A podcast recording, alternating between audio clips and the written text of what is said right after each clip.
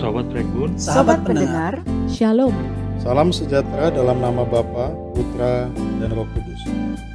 teman-teman pendengar, jumpa kembali dalam Regun Pod- Podcast.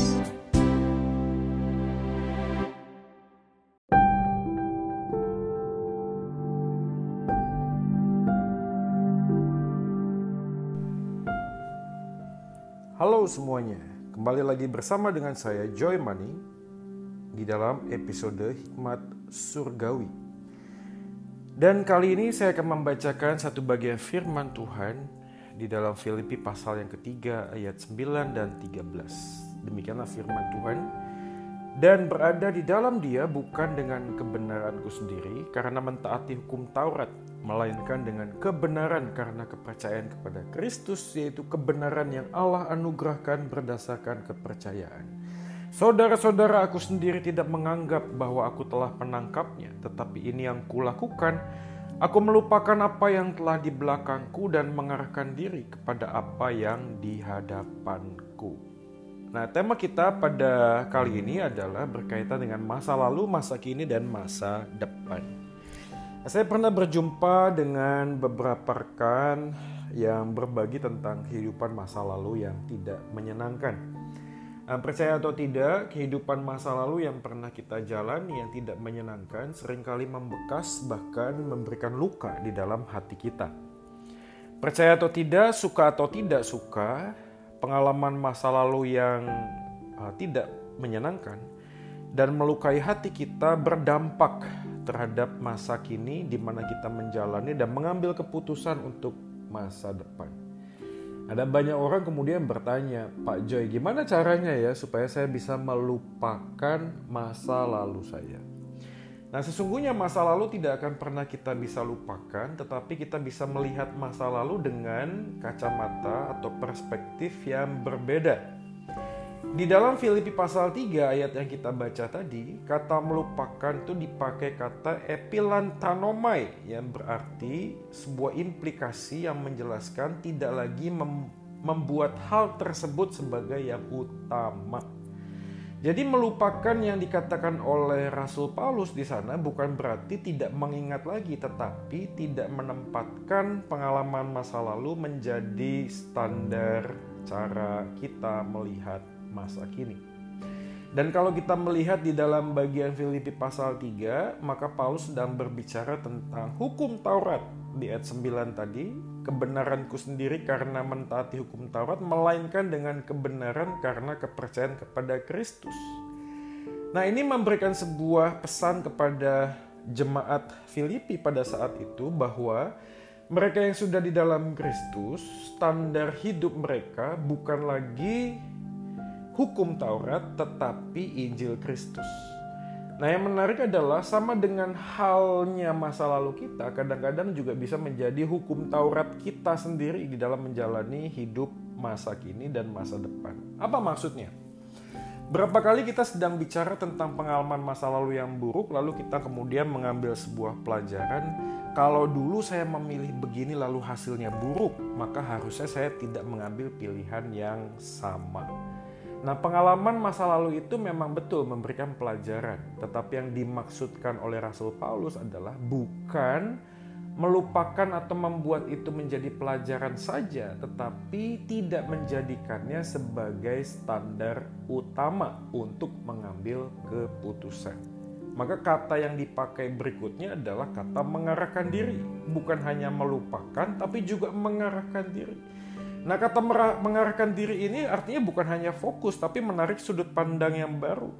Nah, ini sekali lagi memberikan sebuah pesan kepada kita sekalian bahwa masa lalu kita nggak bisa lupakan sih.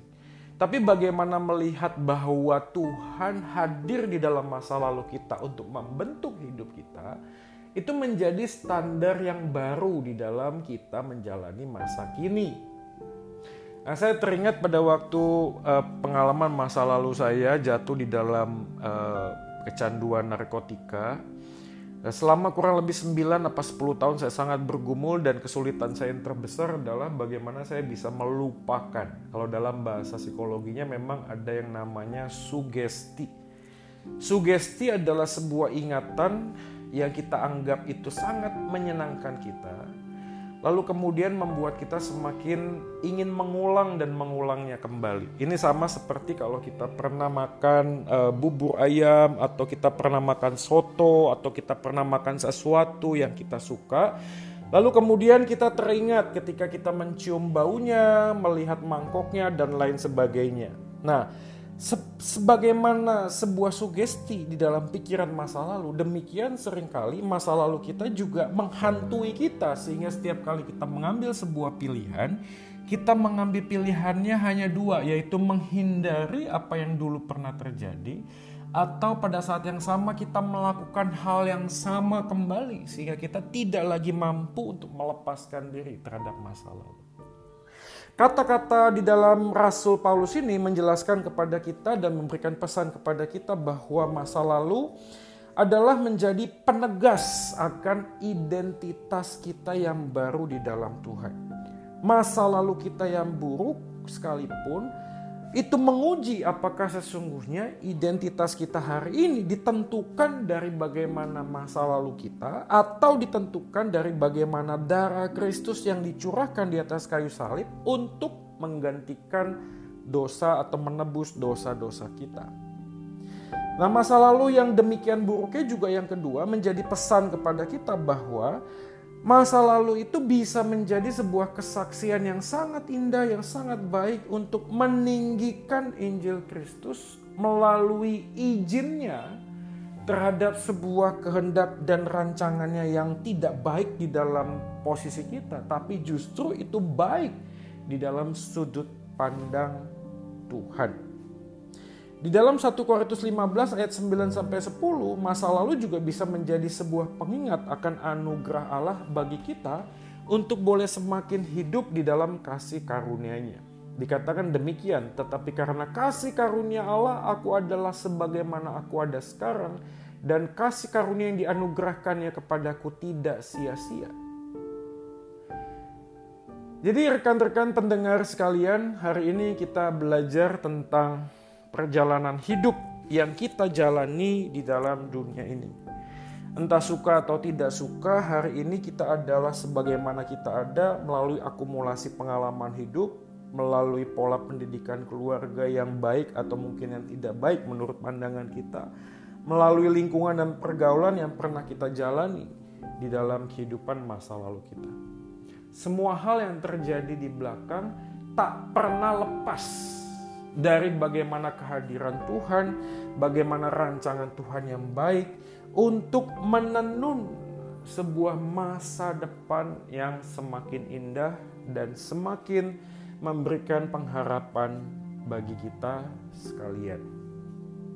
Nah, rekan-rekan pendengar yang dikasih oleh Tuhan, situasi yang sulit seperti ini, setiap keputusan harus kita ambil.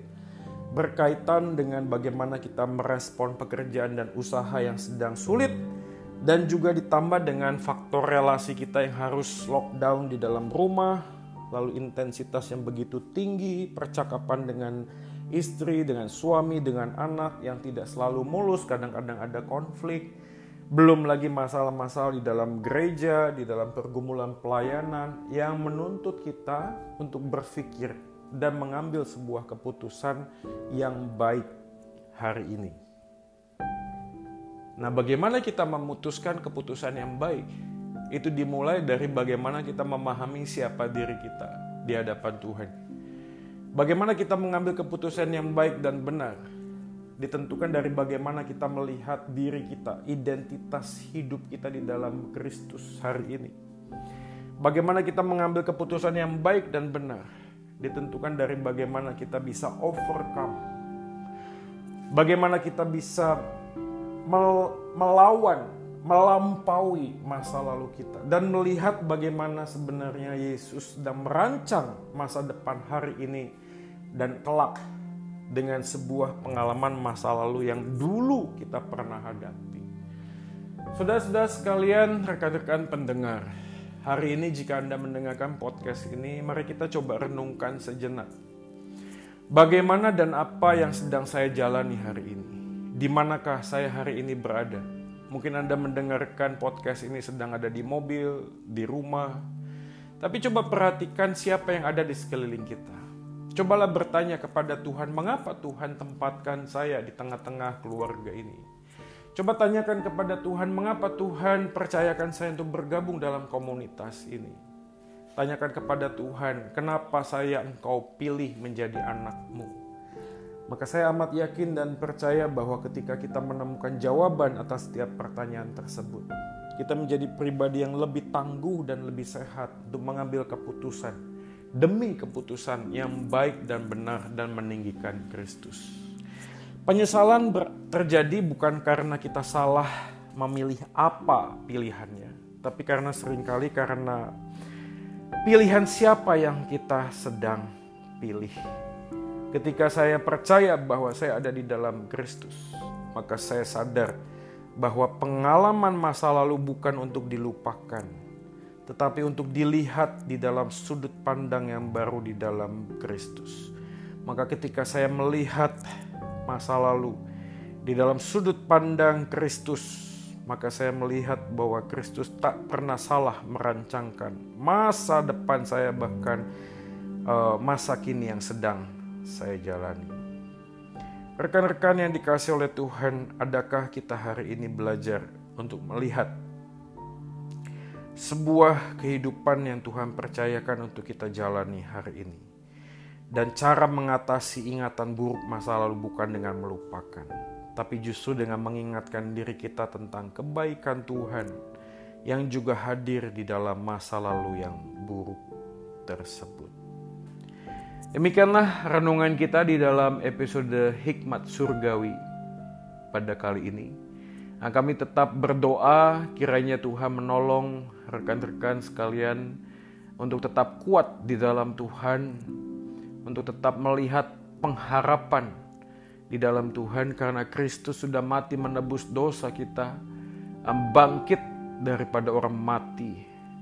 Dan di dalam kubur yang kosong itu kita menemukan pengharapan. Jika dia hidup, maka aku pun akan hidup. Terpujilah namanya kekal selama-lamanya. Bagi dialah segala hormat, kemuliaan, dan syukur. Soli Deo Gloria. Amin.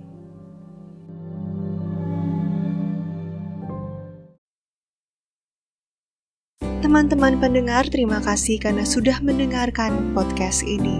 Silakan follow kami di Spotify dan Anchor dan jangan lewatkan kesempatan untuk menjadi berkat dengan membagikan podcast ini. Jangan lupa juga untuk follow akun Instagram @prekbunpodcast untuk mendapatkan update dan juga berdiskusi seputar topik-topik menarik lainnya.